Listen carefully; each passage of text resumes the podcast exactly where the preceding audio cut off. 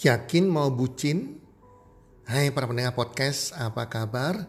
Di mana pun teman-teman berada saat ini, harapan dan doa kami semoga Anda semua dalam keadaan sehat walafiat dan berbahagia bersama keluarga. Dan pasti-pastinya, pasti-pastinya rezeki Anda makin bertambah dan keberuntungan serta kesuksesan menyertai Anda sepanjang tahun ini. Para pendengar podcast, podcast kali ini kita akan membahas tentang bucin. Yakin mau bucin?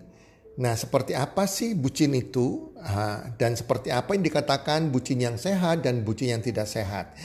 Dan podcast kali ini akan dibawakan oleh Bro Eka Darmadi dan Sis Kweni.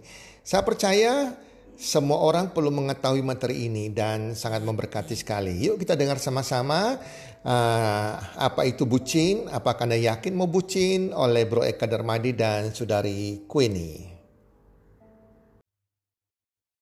Halo semua, pada episode podcast kali ini dengan tema Yakin Masih Mau Bucin. Nah, teman-teman, pada episode podcast kali ini kita kedatangan tamu Queenie. Halo Queenie. Halo. Ya, teman-teman, jadi Queenie ini sedikit backgroundnya ya. Backgroundnya adalah ibu rumah tangga ya teman-teman. Jadi Queenie ini sudah menikah di tahun 2018. Nah, apa yang akan dibagikan oleh Queenie ini nanti itu adalah dari pengalamannya Queenie dan dari teman-temannya ya. Jadi apa yang akan nanti disampaikan ini merupakan opini, opini dari kami kayak gitu loh. Jadi tidak ada istilahnya benar mutlak atau salah mutlak itu tidak gitu loh. Sekali lagi tujuannya kita membahas kenapa kalian masih mau bucin atau enggak. Ini pure karena kita ini mau membantu teman-teman untuk bisa mulai membedain mana yang bucin yang sehat, mana bucin yang sekiranya kurang sehat gitu ya teman-teman ya. Nah, oke, okay, enggak usah panjang-panjang lagi, kita langsung mulai masuk ke topiknya ya. Nah, Queen, ini ada pertanyaan nih. Nah, apa bedanya bucin dengan cinta beneran itu bedanya itu apa sih menurut kamu, Queen? Tadi Eka waktu bilang kayak apa sih bucin yang sehat sama bucin yang enggak gitu kan. Itu aku senang banget statement itu. Karena sebenarnya cinta sama buta cinta tuh sebenarnya hakikatnya sama. Cinta adalah cinta. Tapi yang bikin berbeda itu pelengkapnya. Maksudnya dengan siapa pasangan kita gitu yang kita bikin itu menjadi bucin. Misalnya nih kita menemukan pasangan yang uh, bisa melengkapi kita di, di kondisi kita dan kita melengkapi kondisi orang itu. Kita seimbang, bukan kita sempurna ya. Jadi kita bisa menyeimbangi, saling menyeimbangi. Otomatis cocok terus kita sayang banget sama pasangan kita itu, ya otomatis rasa sayang kita yang sangat meluap-luap itu bukan buta cinta, karena kita menjalani relationship yang sehat. Tapi menjadi kata buta cinta ketika relationship itu sebenarnya terlalu dipaksakan atau hubungan yang pengorbanannya itu satu pihak. Jadi akhirnya buta cinta udah jelas-jelas hubungannya kayak dipaksakan, hubungannya nggak sehat, tidak membangun, tidak membuat bahagia satu dengan yang lain, atau hanya membahagiakan satu pihak, akhirnya jadi buta cinta. Itu bedanya. Oh, kayak gitu ya. Nah, jadi gini, hmm, kalau misalnya cinta yang sehat, itu gimana sih? Soalnya kan di luaran sana ya, itu kan bedanya tipis banget ya antara buta cinta dengan cinta yang sehat itu kan bedanya itu kayak nggak banyak gitu loh. Bener, betul. Cinta yang sehat sama buta cinta tuh bedanya tipis. Kadang tuh kayak ada kala di mana hubungannya sehat, tapi ada saat di mana orang itu bisa buta cinta loh, Eka. Jadi misalnya -hmm. kayak orangnya kayak aku dengan suamiku. Ada saat di mana aku bisa buta cinta nih sama suamiku. Tapi kan nggak salah karena kan kita kan maksudnya orang will not point it out gitu loh in my relationship with him.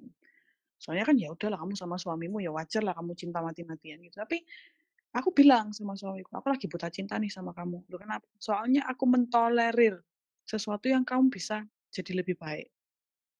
Aku bilang gitu sama suamiku. Terus suamiku bilang, emangnya aku sih ngapain? Terus aku bilang, yang enakan kalau misalnya kamu gini deh, itu bakal bisa improve diri kamu.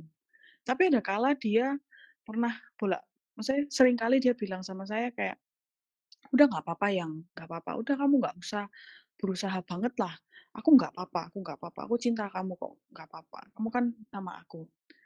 Aku sama dia, "Yang jangan buta cinta dong, as a joke." Dia kayak, "Loh, kok gitu?" "Iya, aku lagi kepingin jadi yang lebih baik, kamu kok" "apa ya, tidak mendukung aku," gitu loh. Jadi di dalam istilahnya tuh relationship yang sehat pun bisa ada istilah buta cinta, gitu. Nah, tapi kalau buta cinta yang kita mau bahas ini kan buta cinta yang sudah tidak menguntungkan gitu, bukan menguntungkan tuh dalam arti kita harus pasangan dengan yang menguntungkan, bukan ya. Menguntungkan dalam arti tidak membuat kita tuh bahagia, tidak membuat kita tuh konten, gitu. Cari masalah yang tidak perlu kita cari lah, gitu. Dan itu misalnya ketika kita tuh di relationship yang toxic. Nah, kalau toxic relationship ini dalam ya, Eka.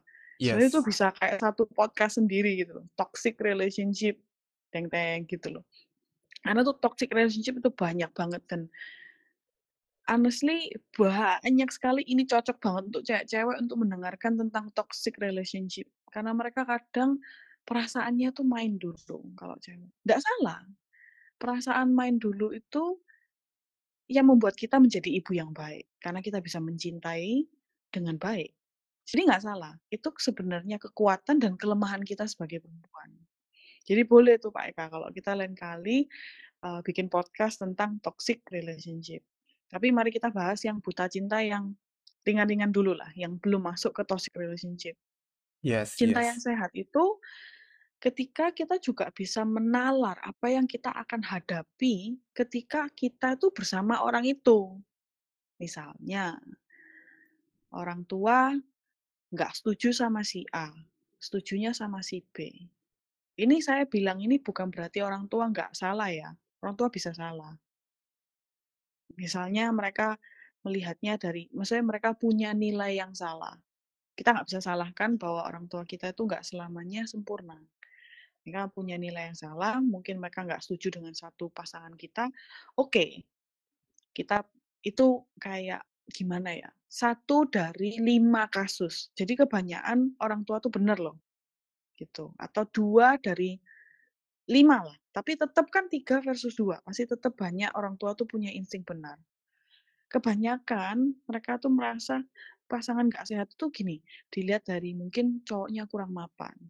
Contoh yang saya pernah alami gini, saya pernah ketemu sama satu cowok, yang ketemu sama saya dengan suami saya, cerita. Terus kayak bilang, "Cewek ini loh yang tak deketin" "kayaknya matre banget deh." "Loh kenapa?" Terus kita tanya, "Why?" "Lah ya papa mamanya nggak setuju kalau dia sama aku." Terus aku tanya, "Loh gajimu berapa?" "I'm sorry kita kebetulan deket banget, maksudnya kita lumayan in the inner circle." Terus dia bilang, "Oh ya gajiku sekian." Terus kita kan kenal ceweknya juga kan, terus aku bilang sama cowoknya, "Bro kayaknya papa mamanya itu bukan matre deh. Uang sakunya dia, uangnya ceweknya itu uang saku, berarti uang jajannya ceweknya aja, lebih besar daripada gaji kamu." Yang otomatis papanya nggak kasih setuju lah, bukan kita tuh kayak kamu nggak akan bersama dia ya, enggak, tapi kan kita ngasih point out sesuatu yang bisa dinalar. Logis kan? Misalnya Pak Yes. Eka ini punya anak perempuan, Pak Eka punya anak perempuan sebulan hasil, eee, dia belanja klinik, bla bla bla, perawatan gitu, kebetulan mungkin anaknya Pak Eka suka dandan gitu. Terus eee, jajannya 10 juta nih, ketemu cowok yang gajinya 15 juta. Loh, masih lebih besar yang cowok loh, tapi selisihnya cuman 5. Sedangkan kan Eka tahu hidup sehari-hari berapa, uang sekolah berapa, jadi otomatis Eka nggak mungkin kan kasih anaknya ke cowok ini. Tapi kita nggak bisa memungkiri bahwa di kasus ini yang perempuannya yang buta cinta, yang kayak, "Udah nggak papa, meskipun kurang aku tapi kan masih masih lebih kecil daripada gajinya." Loh kecilnya berapa persen? Kalau kecilnya 70%, kamu cuman dicukupin oleh 30% buat anak suamimu, kamu yang jahat sama suaminya, kan gitu. Lah suaminya nggak boleh beli baju, anaknya nggak boleh beli mainan, habis buat kamu dong. Nanti kalau misalnya suaminya minta ngalah, akhirnya Kamu kok aku kok hidup sama kamu susah. Gitu. Jadi di situ cinta yang sudah mulai nggak sehat, karena nggak menalar. Kecuali nih kamu bener-bener cinta dan kamu komit mau turun, kamu punya lifestyle ke level yang cukup. Tapi nggak mungkin turunnya sedikit loh kalau income-nya 70. Hitungannya gitu. Misalnya kayak dari 70% dia punya gaji, berarti kamu kira-kira harus turun ke 20 sampai 30% loh spending private buat kamu, pribadi buat kamu. Sisanya itu 80%-nya itu justru buat rumah tangga. Ya kan? Kamu harus mengelola. Nah, di situ yang kita harus bisa melihat apakah cinta kita tuh sehat. Gitu. Kalau misalnya cinta kita sehat di dalam situasi itu. Jadi kita saya kasih contoh yang sama ya. Di situasi yang sama nih, uang jajannya 10, gajinya 15 misalkan. Bisa, tetap nggak apa-apa tetap jalanin. Tapi ya komitmen.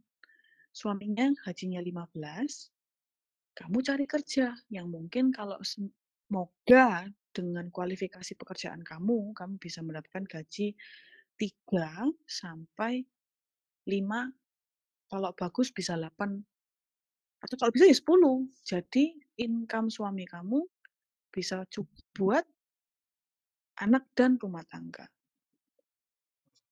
Oh iya. Kan ini kita ngomong mau sama cowoknya itu kan gitu loh. Nah itu contoh dari cinta yang sehat gitu. Kalau buta Oke. cintanya egois, pokoknya aku mau sama orang ini tapi tidak mengkalkulasi apa pun yang lain gitu. Oke, tadi Queenie kan sempat bilang tentang mapan dan matre ya. Nah, mungkin Mhm. Queenie bisa menjelaskan secara singkat aja ya kan, definisi cowok yang mapan itu bagaimana dan definisi cewek yang kategorinya matre itu gimana sih?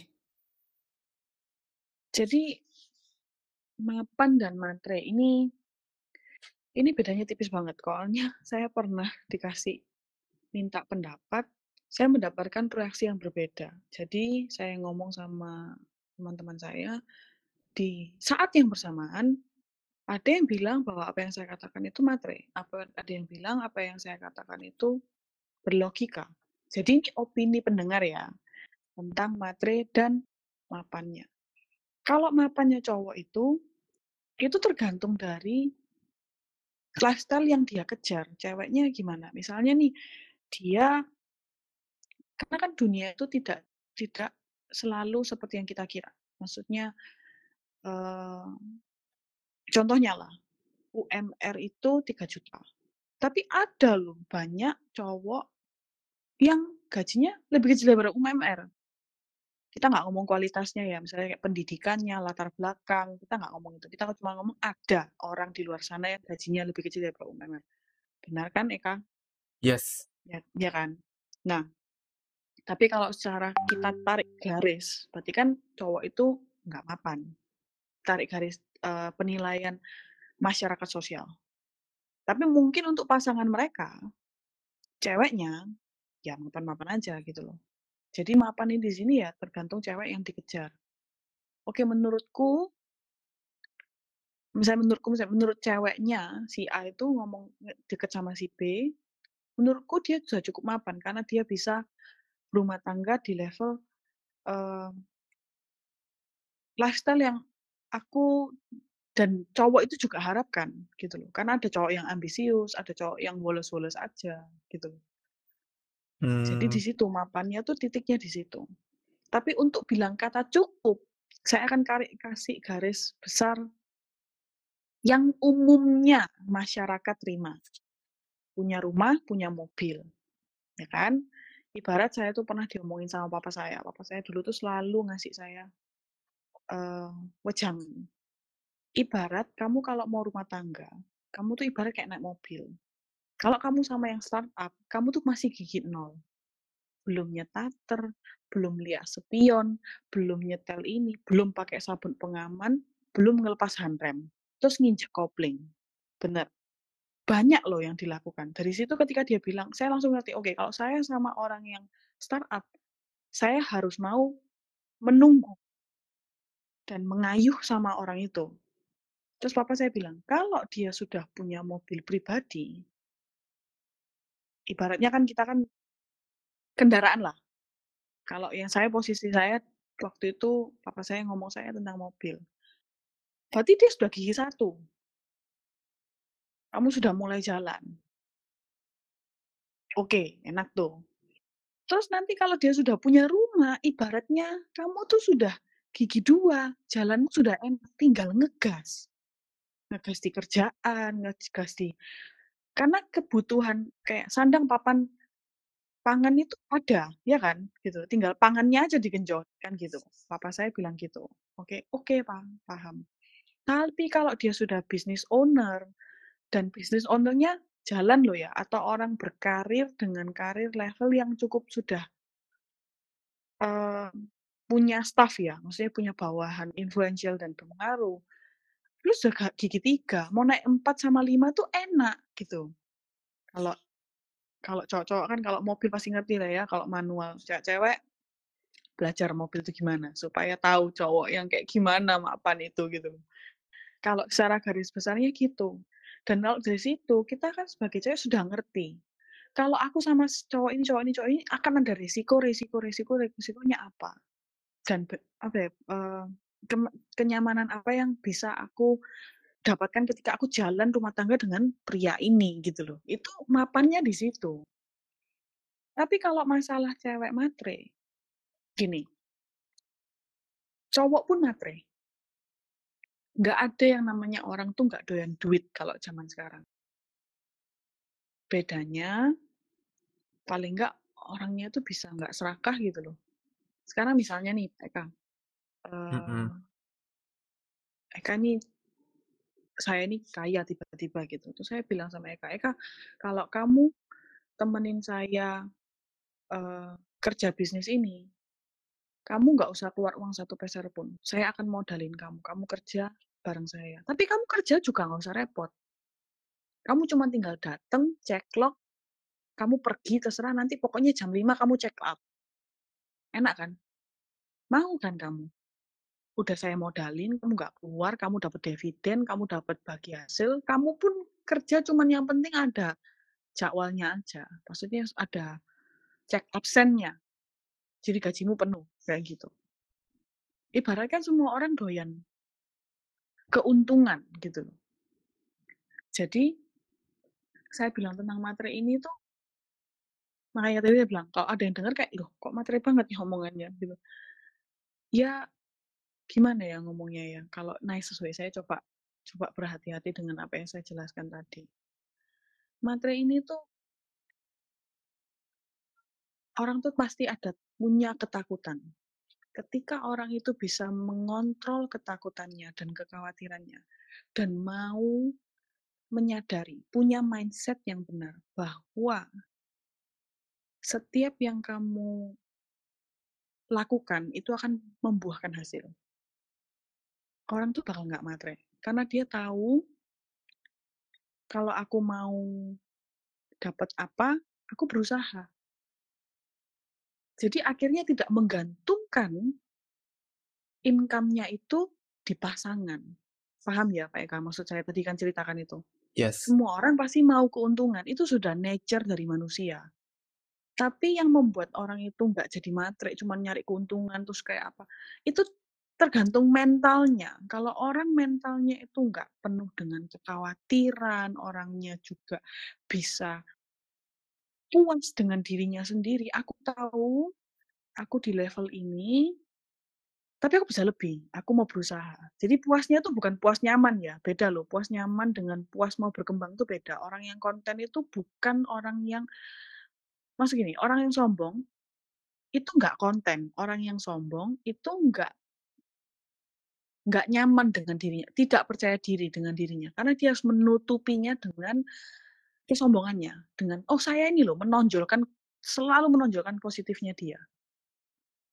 Berarti kan tetep maksudnya berarti kan nggak konten. Tapi kalau orang yang konten, oke, aku misalnya nih hari ini, "Eh aku hari ini kepingin beli berlian, tapi aku nggak punya uang." Kalau aku matre, ya aku mintain suamiku terus. Karena aku nggak konten dengan yang aku punya.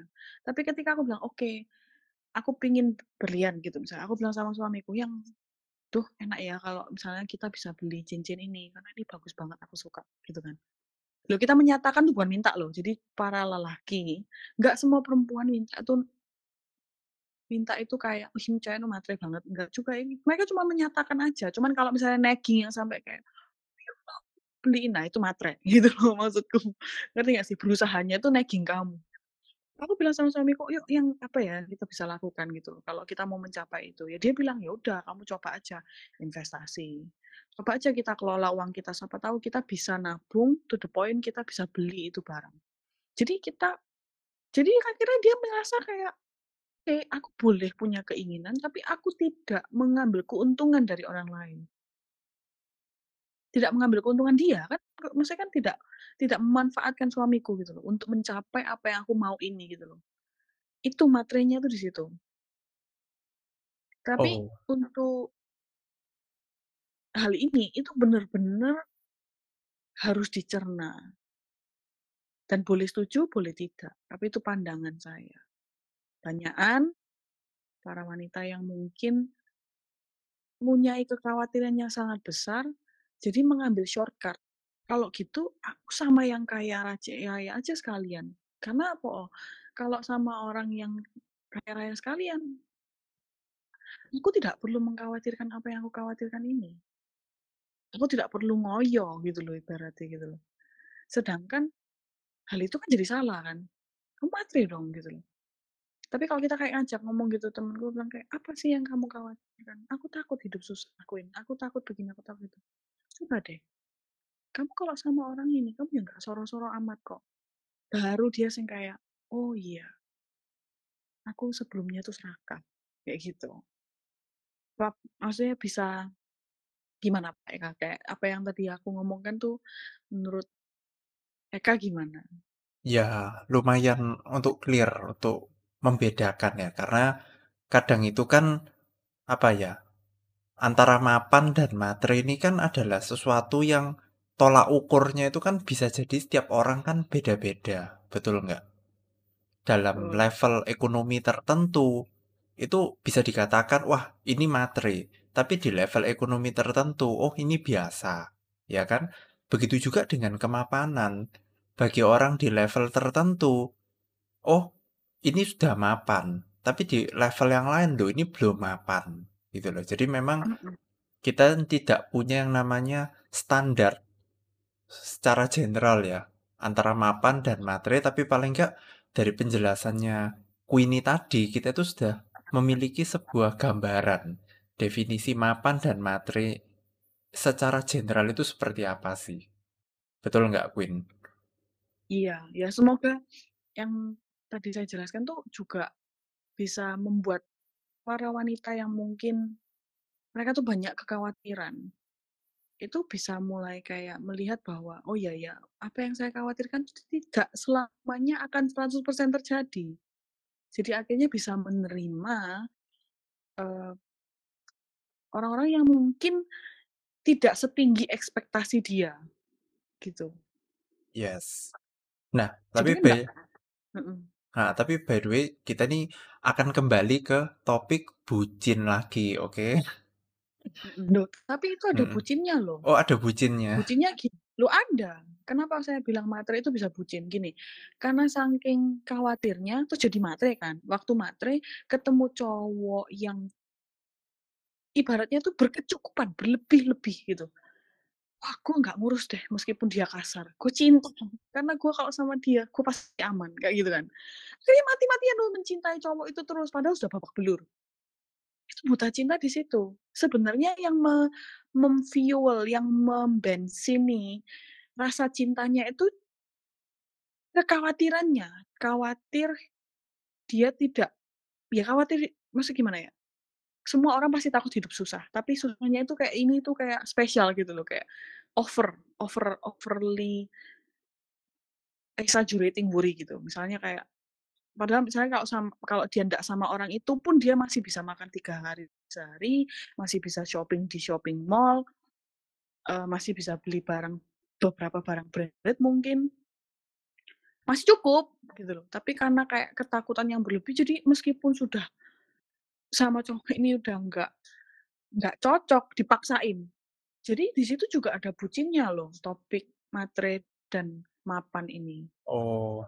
Terus kalau mapan kalau dari sisi mapannya, bucinnya gini, ada cowok yang deketin, udah mapan, udah oke orang tuanya, tapi maunya sama yang ganteng, sama yang wis dah pokoknya gue sama yang ini, karena yang ini aku aku suka aja fisiknya. Terus aku kayak udahlah kayak kayak cinta anak SMA gitu.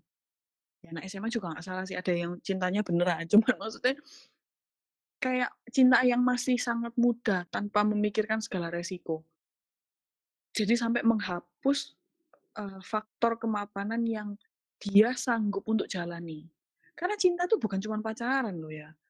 Nanti cinta tuh harus sampai menikah gitu loh. Jadi kita cintanya nih waktu pacaran tuh kan kalau buta cinta di pacaran, terus waktu menikah bisa nggak jadi bucin loh, bisa nyesel nggak karu-karuan. Bisa sih kayak, "Aduh kenapa aku sama cowok ini? Aku sekarang susah," kayak gitu. Jadi di dua sisi itu ada two side of coins yang ya sama-sama bisa men menuntun kita ke buta cinta itu gitu loh. Nah, kalau misalnya menurut Queenie ya, level-level bucin itu ada level-level apa aja nih, Queen menurut Queenie ini? Level-levelnya itu bukan keparahan ya, tapi kayak takut takut menyadari bahwa ini tuh lagi bucin gitu loh. Tapi kita ngomong level tuh kayak sebagai kayak tipe lah, oh lu level yang bagian parents atau bagian mana gitu. Eee, kalau yang level yang bener-bener terlihat itu bisa kita bahas di toxic relationship. Yang kayak parahnya ya, tingkat keparahannya. Jadi kita talking ini level, eee, cluster lah, cluster apakah saya ada di posisi ini gitu loh. Ketika misalnya kita kita buta cinta, tidak memikirkan resiko seperti apa rumah tangga yang akan dijalani. Contohnya, eee, saya bicara gini bukan berarti pernikahan saya sempurna.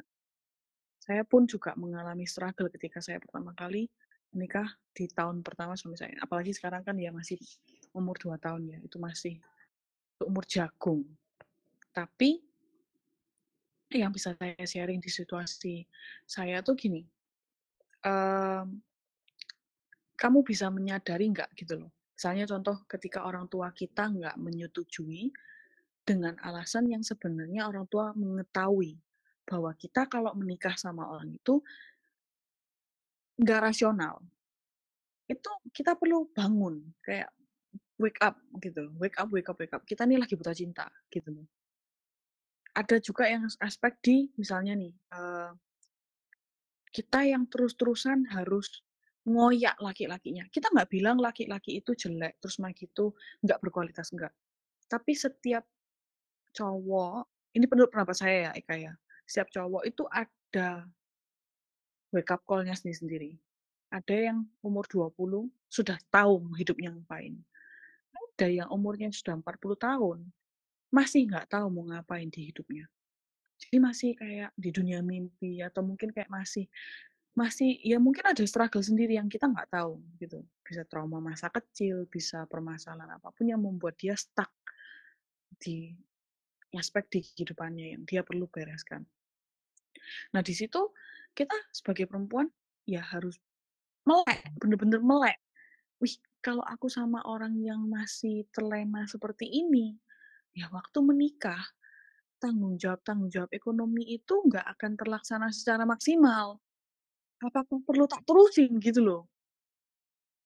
Kayak Pak maksudnya Eka paham ya, maksudnya kayak kita tuh harus menyadari gitu loh. Kita tuh menikah dengan siapa? Kayak tadi kan saya bilang, rumah tangga saya tuh nggak sepenuhnya sempurna. Ketika saya sama suami saya, ada satu aspek di mana yang dia tuh ngomong, "Nggak apa-apa, ini nggak separah itu kok." Terus waktu itu saya lagi cinta-cintanya, terus saya bilang, "Oh ya nggak apa-apa nggak apa-apa, aku kayaknya aku bisa jalanin," gitu kan. Terus ketika waktu 1 tahun married saya kaget. Loh, saya kayak mulai ada pemberontakan sama dia, pemberontakan ya jadi menyebabkan pertengkaran. Aku kayak, "Kok gini sih? Katamu nggak separah itu." Padahal padahal ya, ada mentor saya, mentor pernikahan saya sudah bilang, "Apa pun yang kamu lihat sebelum pernikahan, akan semakin parah loh setelah menikah." Maksudnya semakin parah misalnya gini, kita lihat dia orangnya jorok. Kayak di mobilnya jorok aja gitu. Ya setelah menikah ya pasti di rumahnya jorok. Akhirnya di rumah bertengkar. "Kamu jorok banget sih, kamu begini begini begini begini," gitu. Itu kalau jorok. Bayangin kalau dia punya kebiasaan-kebiasaan lain yang kita nggak bisa terima, gitu. Tapi ini juga untuk misalnya nih versi cowok, sama. Ada sesuatu yang suami saya tuh tahu saya punya kebiasaan habit yang jelek gitu. Terus dia tuh kayak ngerasa, "Alah nggak apa-apa, nanti kan" eee, setelah menikah ya bisa kan di-improve dia bisa improve lah gitu loh kalau saya omongin. Ternyata setelah menikah, dia harus ketemu dulu dong dengan diriku yang belum improve gitu loh, yang belum berubah. Dia kaget, "Loh, yang kamu kok gini?" Gitu. Terus aku sih kayak, "Loh, ya aku kan kayak gini, kamu aja nggak tahu karena kita nggak serumah," gitu loh. Nah, itu bisa dilihat apakah kita ada bucin-bucin kecil-kecil di situ loh. Itu harus kita sadarin. Jangan sampai nanti itu menjadi masalah yang sebenarnya sudah bisa diterima dan siap dihadapi sebelum menikah. Gitu. Mmm. Misalnya ya maksudnya misalnya kayak kalau saya sudah tahu, saya siap, saya tahu, oh ini akan lebih parah. Maksudnya akan maksudnya akan lebih besar daripada yang saya lihat. Saya waktu lihat dia melakukannya di rumah, waktu serumah, kan kita kan kayak, "Oh ya udah tahu." Terus nggak bertengkar kan. Terus akhirnya saya bisa bilangin dia dengan baik-baik, "Yang, kayaknya kamu nggak perlu deh kayak gitu," gitu loh. Terus dia kayak, "Oh ya, oke," gitu loh. Tapi kalau saya dengan syok terus kayak bilang, "Gila ini, kamu apa-apaan ini?" Terus marah. Bayangin, apa nggak pernikahan saya tuh bisa kayak neraka. Gitu. Mmm. Nah, jadi menurutku ini ya, penyebab orang-orang itu bisa bucin ya, baik cewek atau cowok itu kira-kira kenapa ya? Ekspektasi yang sangat berlebih. Jadi, ekspektasinya itu kayak udah kayak udah ngayal. Maksudnya gini, khayalan itu bagus, maksudnya kita tuh bisa berimajinasi. Jadi, khayalan itu juga positif, bisa negatif, pedang bermata dua. Tanpa kita berkhayal, tanpa kita bermimpi, kita nggak punya striving, kita nggak punya gairah untuk mencapai sesuatu. Aku andaikan ya, aku bisa punya bisnis baju. Akhirnya saya mulai nih, saya jahit, saya apa, bikin, ya kan, dari awalnya berkhayal. Tapi berkhayal di dalam relationship pun itu juga gimana ya, itu memberikan ekstasi yang indah tau dalam hubungan. Kayak, "Aduh yang nanti kalau kita punya anak pasti lucu banget, nanti mirip siapa ya, mirip kamu apakah aku?" Gitu kan. Kita udah mikir yang the good things about marriage gitu loh. Terus akhirnya kita punya ekspektasi.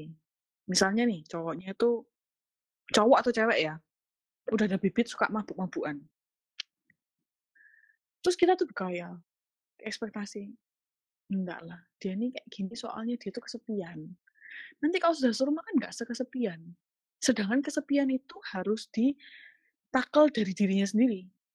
Nggak bisa sa kesepiannya suami saya, saya yang penuhin, kesepian saya, suami saya yang penuhin. Itu diri sendiri. Sudah punya ekspektasi berlebih nih, udah ngayal gitu loh. Jadi dari khayalan itulah yang mem-fuel cinta yang out of control. Yang membuat sing kayak "Aku bisa jalani, sampai ke ujung bumi akan aku akan aku jalani." Tapi pada kenyataannya, "Nanti saya kuliah di US ya." Tapi nggak diikutin, cowoknya ya tetep aja di Indo gitu loh. Ya berarti kan ya Mmm. sama aja, berarti ke ujung bumi pun nggak diikutin kan, gitu loh. Jadi, ekspektasi yang berlebih ini harus diwaspadai. Boleh ada, sehat, ada di dalam relationship kayak merencanakan yang indah di dalam hubungan ke depan. Tapi kalau sudah nggak sehat, ketika kayak membohongi diri sendiri, sudah jelas-jelas perubahan itu harus masing-masing yang memutuskan. Itu sudah tanda bisa menjadi akar buta cinta yang kuat. Yang membawa kita ke keputusan yang akan kita sesali di kemudian hari. Nah Gitu. nah ini Queen, terakhir ya, ada tips nggak buat para pendengar supaya kita itu lebih nggak bucin? Pahami, sayangi dirimu sendiri. Pahami dirimu, pahami kemampuanmu. Saya ada tahu teman saya itu punya cerita, kuat, maksudnya tuh orangnya tuh bener-bener punya mental kuat.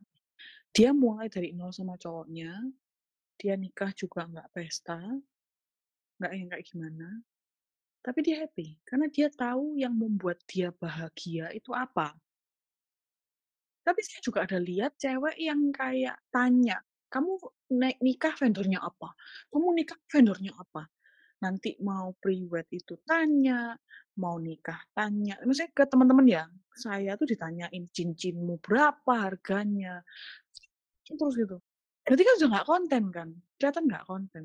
Dan saya juga menyadari kayaknya cowoknya juga nggak ya bukan saya nggak bilang berkurangan loh. Menurut saya itu cukup.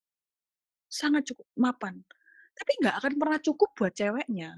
Tapi ceweknya juga buta cinta. Jadi akhirnya kan gini, aku cinta sama kamu, aku melatih semuanya semua kamu, tapi banyak nggak bisa diterima. Gue heran terus akhirnya pernikahannya, gitu loh. Pahami dan sayangi dirimu. Kenali apakah kamu tuh ada di toxic relationship. Toxic relationship ini abuse ya. Tolong hati-hati. Karena saya pernah mengalaminya. Dan saat itu saya nggak tahu. Saya benar-benar cinta mati. Tabrak aja, kayak drama Korea punya cinta. Setelah putus, saya butuh waktu setahun loh untuk menyadari bahwa saya butuh sekali di posisi itu. Kenali batas kemampuan diri agar tidak berkorban martir. Kayak gini, oke nggak apa-apa, kamu kalau masih belum bisa, kamu ini aja, aku yang bantu. Ini kamu masih nggak apa-apa, aku yang bantu, aku yang bantu, aku yang bantu. Ibaratnya tuh uh, kamu yang terus-terusan lari sedangkan dia duduk di belakangmu. Jadi ibaratnya kamu yang nyeret pasanganmu, entah itu cowok atau cewek ya. Jadi yang ceweknya nggak maju, cowoknya juga nggak mau maju, tapi kita maksudnya cowok antara cowoknya atau ceweknya nggak mau maju, kitanya nyeret terus, martir dong, gitu loh. Jangan. Karena mungkin dia sama orang lain dia nggak nggak nggak nggak kayak nggak nggak kayak gitu. Kamu yang bikin dia kayak enak gitu loh.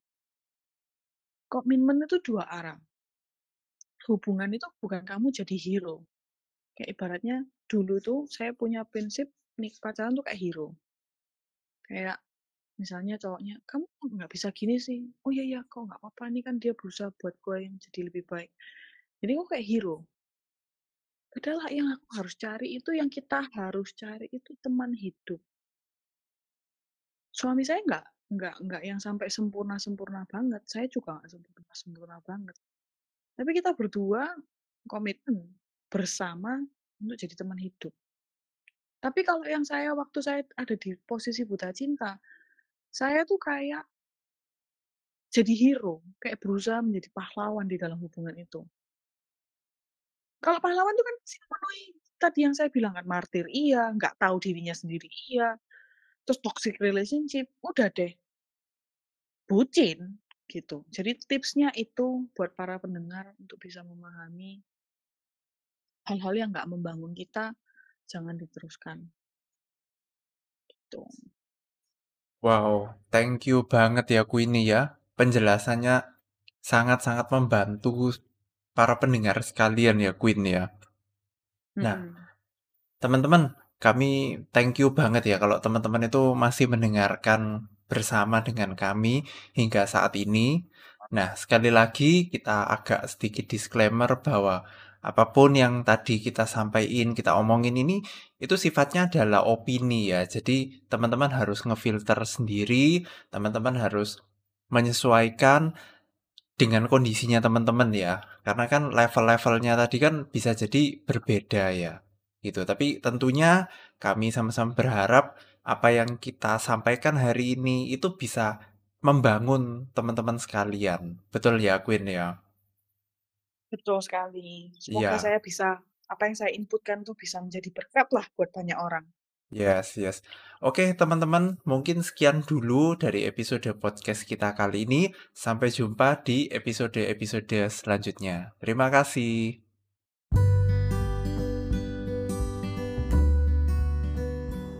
Terima kasih sudah mendengarkan podcast kami. Teman, jika Anda rasa bermanfaat podcast kami ini, Anda bisa menginfokan kepada rekan kerja Anda, keluarga Anda, teman ataupun sahabat Anda. Dan jika ada hal-hal yang Anda ingin tanyakan kepada kami ataupun topik-topik apa yang Anda ingin kami bawakan, kami sampaikan, Anda bisa DM kami di Instagram kami healthcommunity id. Salam one two three, salam sehat, sejahtera dan bahagia.